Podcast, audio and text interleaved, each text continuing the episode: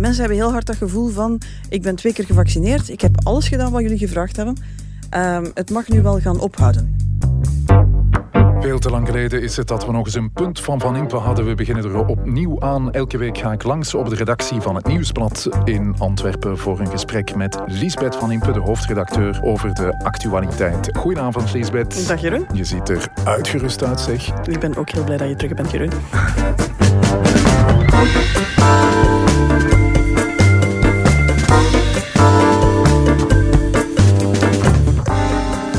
actualiteit fileren, de weg zoeken in de coulissen van de macht en Belgische wijn drinken, dat doen we in het punt van Van Impe. En dat laat op de avond. Ik kom altijd uh, laat, want dan ben ik er zeker van dat uh, Lisbeth van Impe er ook is. En dat we samen een goed glas kunnen drinken en het rustig kunnen hebben over de actualiteit.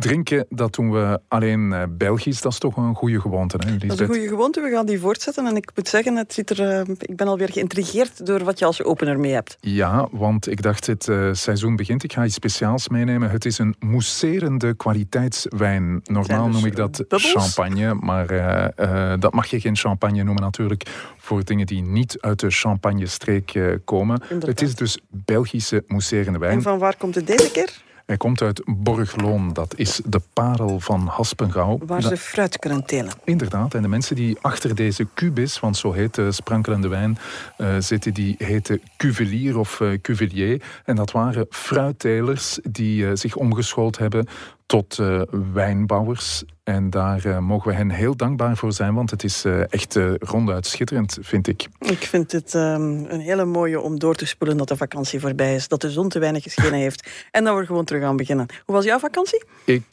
heb er echt van genoten. Ik ben een paar dagen naar zee geweest, voor de rest heel veel in Brussel gezeten, maar echt genoten van de afgelopen maanden, toch ook wel het nieuws gevolgd. Dat doe jij ook, neem ik aan, hè? want dat, dat kan je toch niet lossen. Ik maak er, als ik op vakantie ben, maak er een beetje een erezaak van om het toch een beetje los te laten. Om, uh, ja, dan, dan lees ik boeken. Geen, geen kranten en tweets, maar, maar, maar boeken. Lukt dat wel om, om echt afstand te nemen van het nieuws?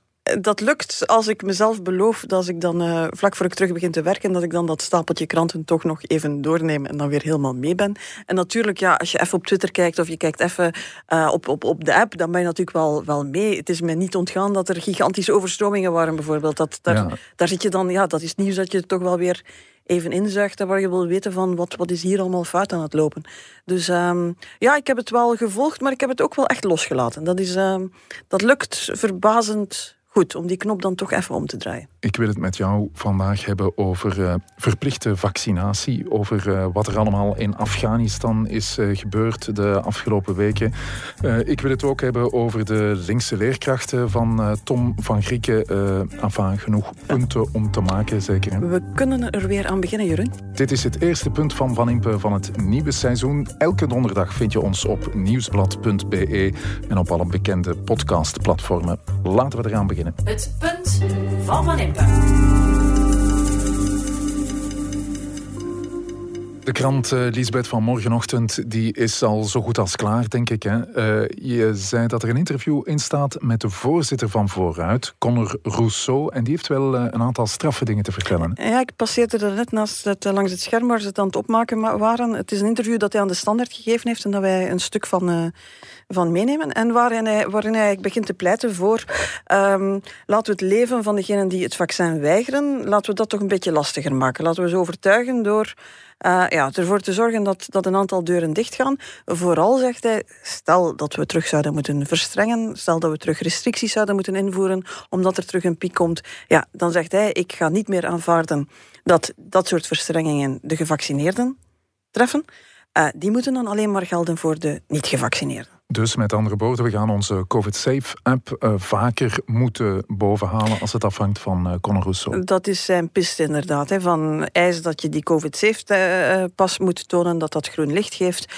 Je kan je natuurlijk om de andere dag laten testen, maar ja, wie wil dat nu iedere twee dagen zo'n zo'n wisser in je neus laten steken? En ja, je maakt het eigenlijk het openbaar leven lastig voor degenen die... Niet gevaccineerd Nu, als je naar een groot uh, feest of een, uh, een concert gaat uh, of naar een voetbalwedstrijd gaat, dan moet je die COVID-Safe-app al laten zien. Je zou dat kunnen uitbreiden naar andere dingen. Hè? Het ding is natuurlijk, in de regering is die discussie al een beetje gevoerd. en je voelt dat daar de, de liberalen gaan daar op de rem gaan staan. Zij zeggen, wij willen geen pasjesmaatschappij, geen extra documentje dat je dan extra rechten verleent. dat is niet waar wij voor staan. En bijvoorbeeld de vraag van trouwfeesten en verjaardagsfeesten en noem maar op, eigenlijk gewoon private uh, gebeurtenissen, niet de grote festivals. Daar zeggen ze, het is een stap te ver om dat daar te eisen. Dus die discussie leeft, maar je voelt wel, we zitten op het moment dat die politici zich aan het afvragen zijn. Uh, stel dat er een aan de hoeveelste zitten we al, de vierde golf zeker, uh, aankomt. Stel dat je opnieuw moet gaan spreken over dingen. Um, ja, het gaat niet meer zomaar passeren. Ja, uh, zeker niet bij die dubbel gevaccineerden. Je zegt aan de ene kant uh, de liberalen die willen absoluut geen pasjesmaatschappij. Aan de andere kant mensen zoals uh, Paul Magnet, de voorzitter van de PS, die zegt ja, we moeten toch wel eens kunnen nadenken over verplichte vaccinatie voor iedereen. wat vind je daarvan? Dat is nog verdergaand. Hè? Nogmaals, we zitten op dat moment je zag, je zag al bij heel veel mensen zo'n beetje de ontgoocheling deze zomer. Hè. Er was ons de zomer van de, van de vrijheid beloofd. En toen bleek dat dat toch met een hele lijst regeltjes en beperkingen ging. En met dingen die dan toch niet zo makkelijk waren. Uh, mensen hebben heel hard dat gevoel van: ik ben twee keer gevaccineerd. Ik heb alles gedaan wat jullie gevraagd hebben. Um, het mag nu wel gaan ophouden. Um, en ik ga niet mij opnieuw laten opsluiten, omdat er dan typen zijn die, dat, uh, die, die, die, die, die vaccinaties weigeren. Dus dat wordt een heel kritiek punt, waar dat dus die solidariteit voor een stuk aan het wegcijpelen is. Ja, mensen vinden het niet meer eerlijk, mensen vinden het niet meer rechtvaardig. En dan kan je gaan, gaan, gaan nadenken van, ja, wat zijn dan de manieren om die vaccinatiegraad nog omhoog te krijgen?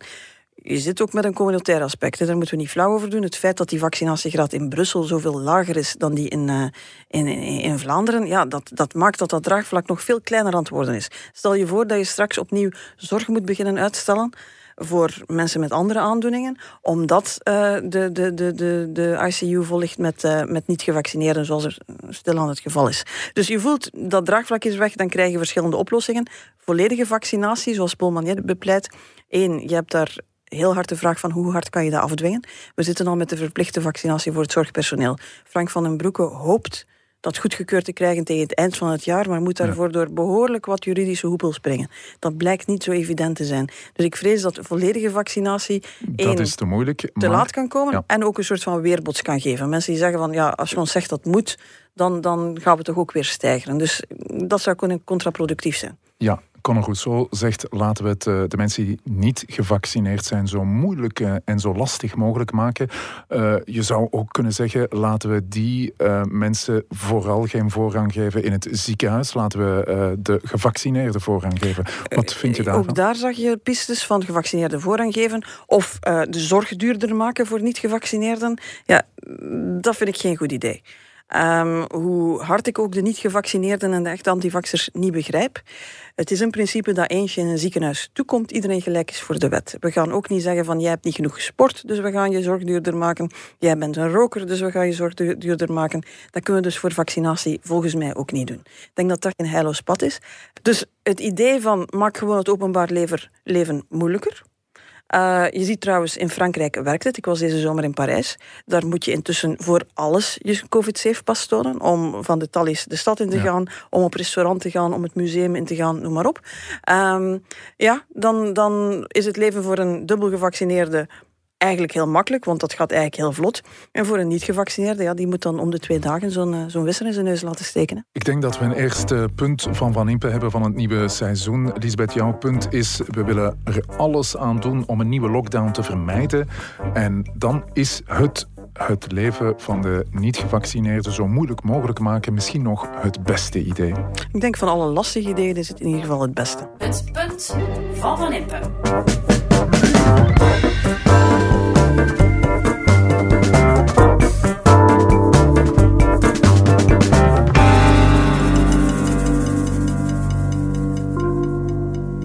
Morgen 1 september, voor velen van jullie de eerste schooldag. En ik zou liegen dat ik als scholier en later als student uitkeek wanneer de schoolpoorten of de poorten van de UNIF terug open zwaaiden.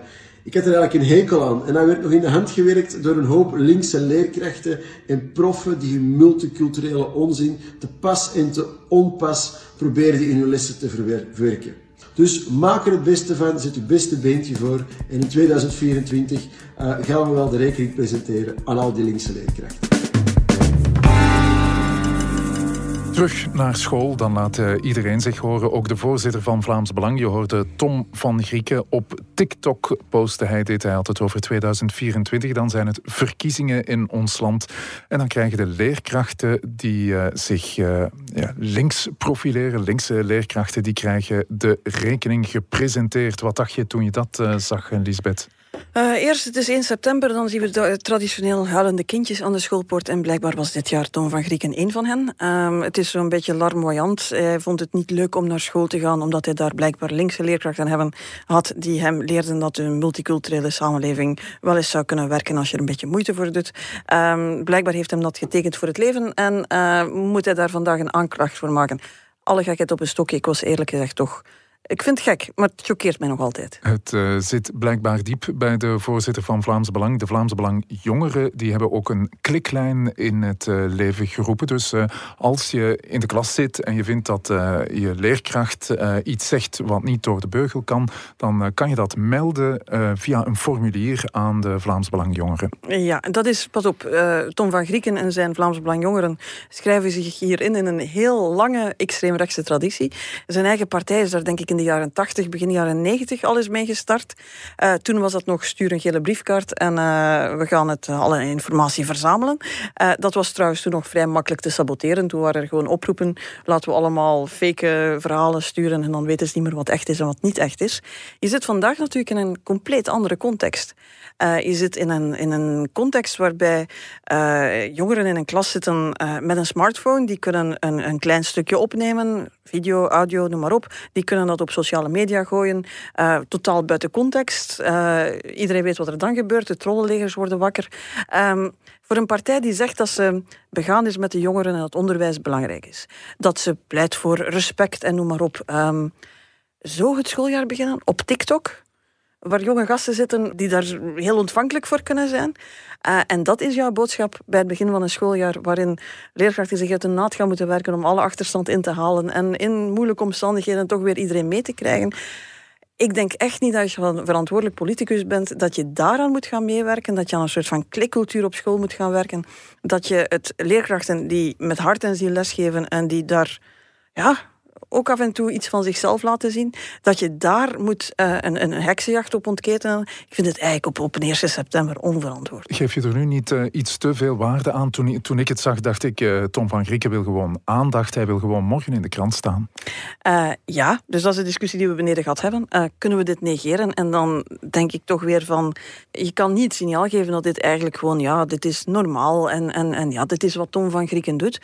Vergeet ook niet, Tom van Grieken op andere momenten heeft altijd weer de boodschap van mijn partij is geëvolueerd. Blijkbaar dus niet als het gaat in haar acties over leerkrachten. Mijn partij is klaar om te regeren. Mijn partij is fatsoenlijk. Mijn partij, eh, daar kan je akkoorden mee maken. Uh, geloof en net dat op het moment dat je dat denkt, dan komt hij met dit soort uh, uitspraken. Eerder ook al had hij het over een uh, Europa dat toch fundamenteel blank moet blijven. Of haalt hij Dries van Langenhoven binnenop zijn lijsten staan en noem maar op. het verhaaltje van Tom van Grieken, waar ik ooit in geloofd heb. Ik heb ooit gedacht van, die gaat daar proberen een moderne rechtse partij van te maken. Die zal altijd wel aan de extreme kanten van het spectrum zitten, maar dat kan ook op een manier die, die, die zich wel inpast in uh, hoe we aan politiek doen.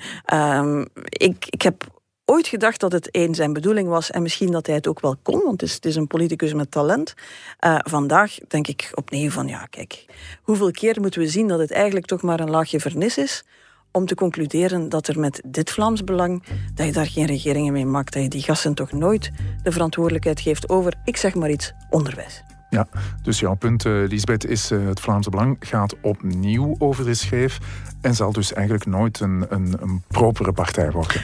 Blijkbaar niet onder toon van Grieken. Het punt van Van Impe.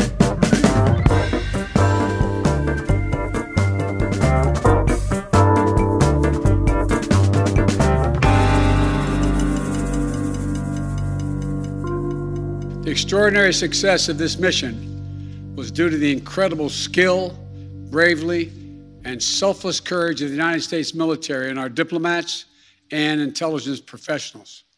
For weeks, they risked their lives to get American citizens, Afghans who helped us, citizens of our allies and partners and others on board planes and out of the country. And they did it facing a crush of enormous crowds seeking to leave the country.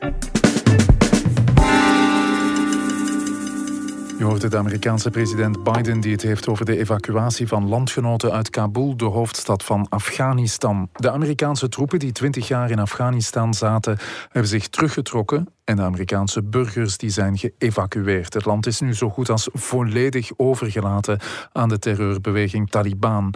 Taliban hebben in een recordtempo het land heroverd. We kregen hallucinante beelden te zien de afgelopen weken.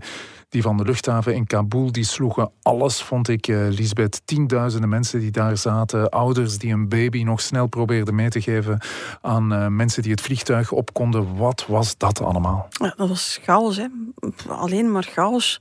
Uh, de Amerikanen hadden gedacht dat de, de, de strijd die ze verwacht hadden hè, tussen de Taliban en dan dat Afghaans leger en heel dat, die Afghaanse structuren die ze daar opgezet hadden, dat dat wel een paar maanden zou duren voordat zou beslecht worden.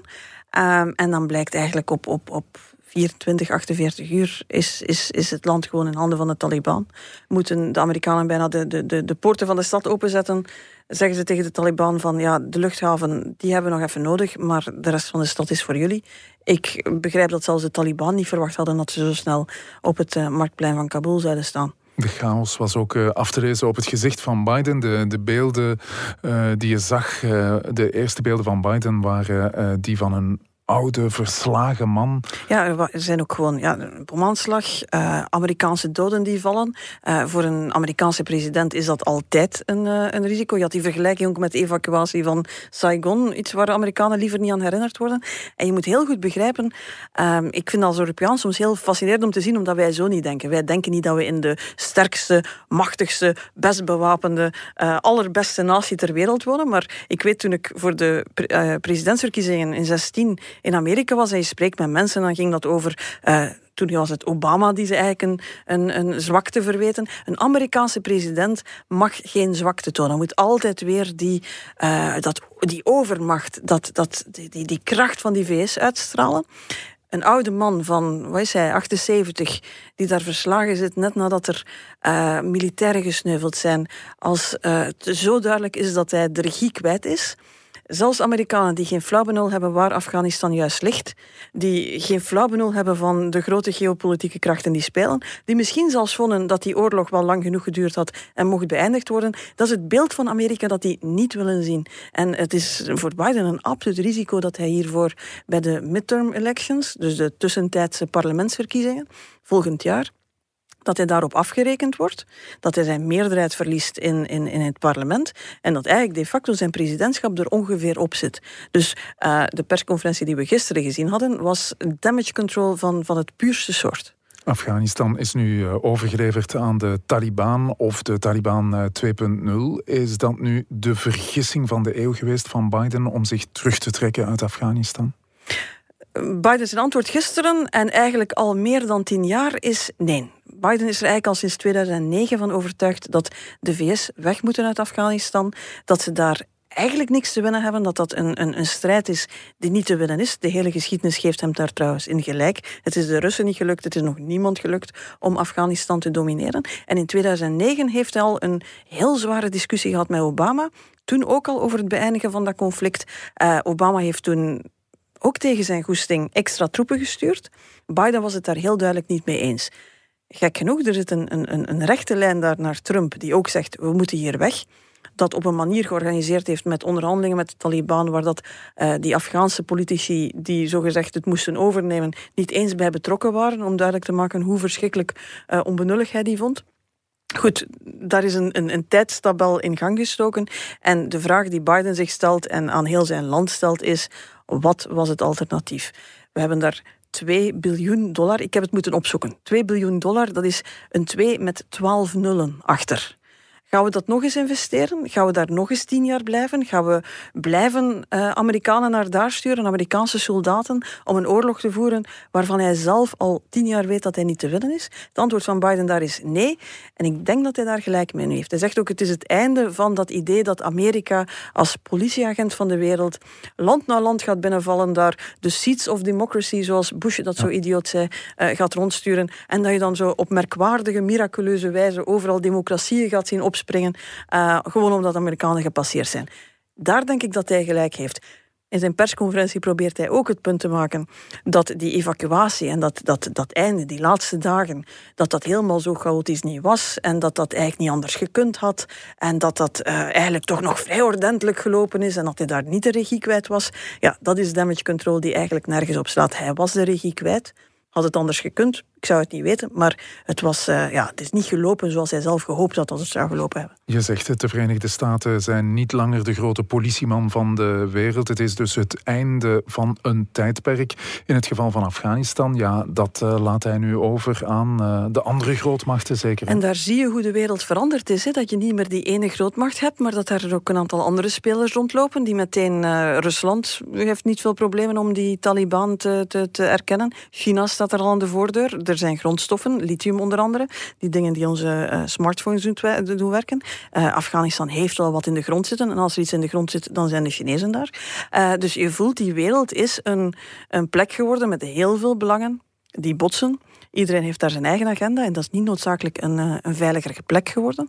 En dan kan je vragen, wat doet Europa? Europa zit een beetje met dichtgeknepen billen te hopen dat de vluchtelingen niet naar hier komen. Ja, want Europa is uh, vooral bang. Heel veel mensen willen weg uit uh, Afghanistan. Hoe, uh, hoe zou je zelf zijn? mensen die erin slagen te vluchten, die komen terecht in buurlanden. maar als ze daar niet worden opgevangen, komen ze natuurlijk naar Europa. Hè. Moeten wij die mensen opvangen, Lisbeth? Wel, Europa heeft in ieder geval een les geleerd uit de Syrische crisis. Die begon 2010, 2011. Heel snel werd daar gewaarschuwd voor hele grote vluchtelingenstromen. Die konden aanvankelijk in vluchtelingenkampen, gigantische kampen terecht in Jordanië en Libanon. Uh, er waren toen mensen die waarschuwden van pas open, dat is niet houdbaar. En op het moment dat ze daar vertrekken, is de volgende bestemming Europa. 2015, vier jaar later, bleek dat te kloppen en zaten we met de grootste vluchtelingencrisis uit de geschiedenis die de hele Europese Unie op haar, op haar grondvesten heeft doen, doen daveren. Al was het maar omdat er ook onder de lidstaten geen enkele consensus is over wat ze daarmee uh, willen doen. Dat zal nu met de Afghaanse vluchtelingen niet anders zijn.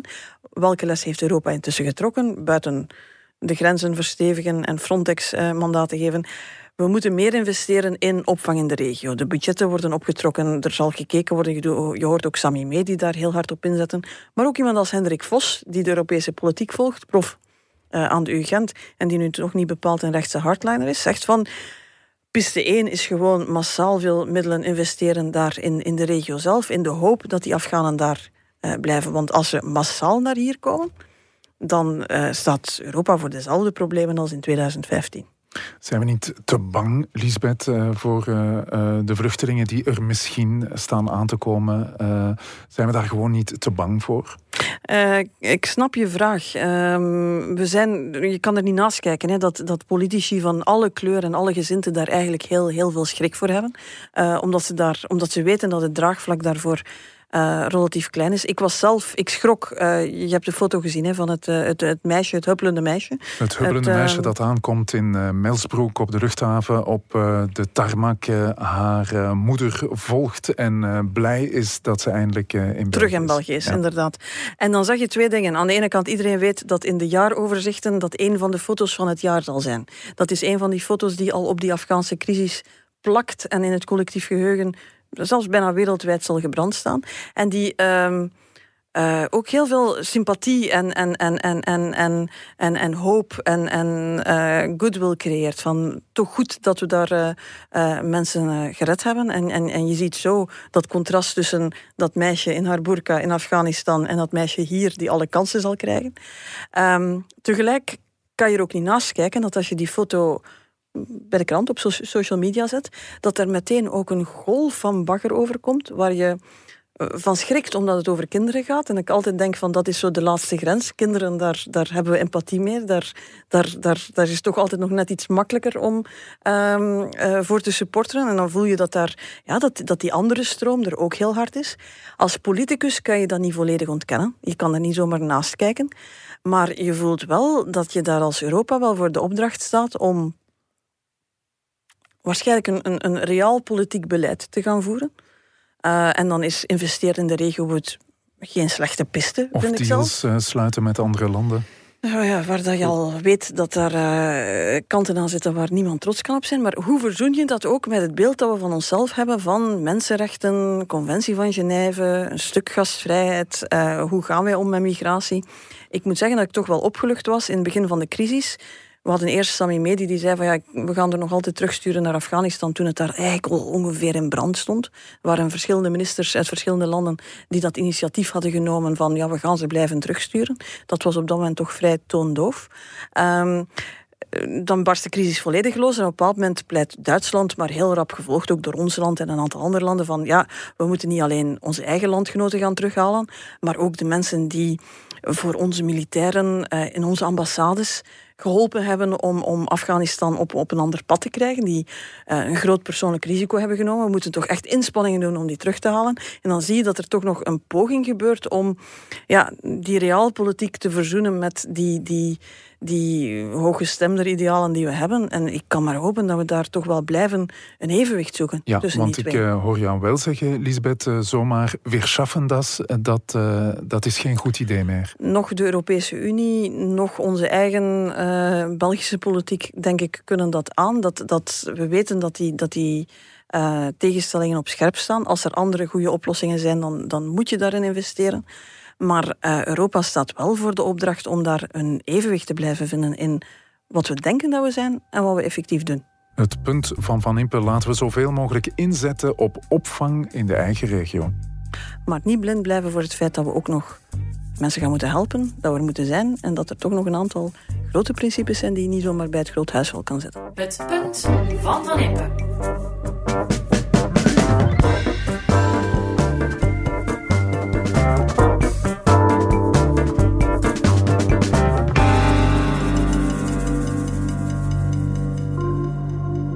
De punten zitten erop, Lisbeth. En ik vrees onze uh, kwaliteitswijn, mousseerde kwaliteitswijn ook, jammer genoeg. We zijn er helemaal doorgeraakt, ja. De Cubis uit Jesseren en Kerniel, twee gehuchten van uh, Borgloon.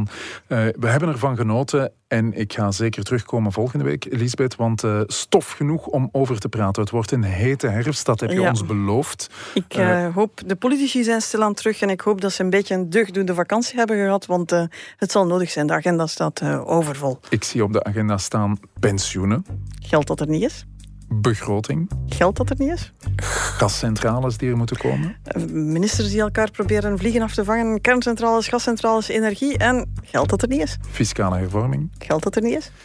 Ja, uh, stof genoeg dus uh, om over te praten in uh, de volgende punten van Van Impe. Elke donderdag op nieuwsblad.be en op alle andere podcastplatformen.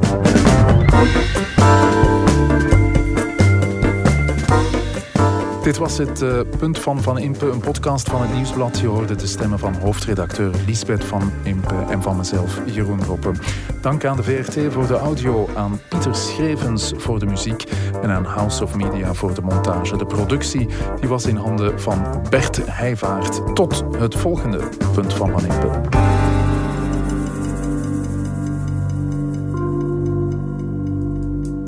Heb je de andere podcasts van het Nieuwsblad al gehoord? Stemmen van Assise, Slimmer Leven, de Sportpodcasts, Shotcast en De Koers is van ons.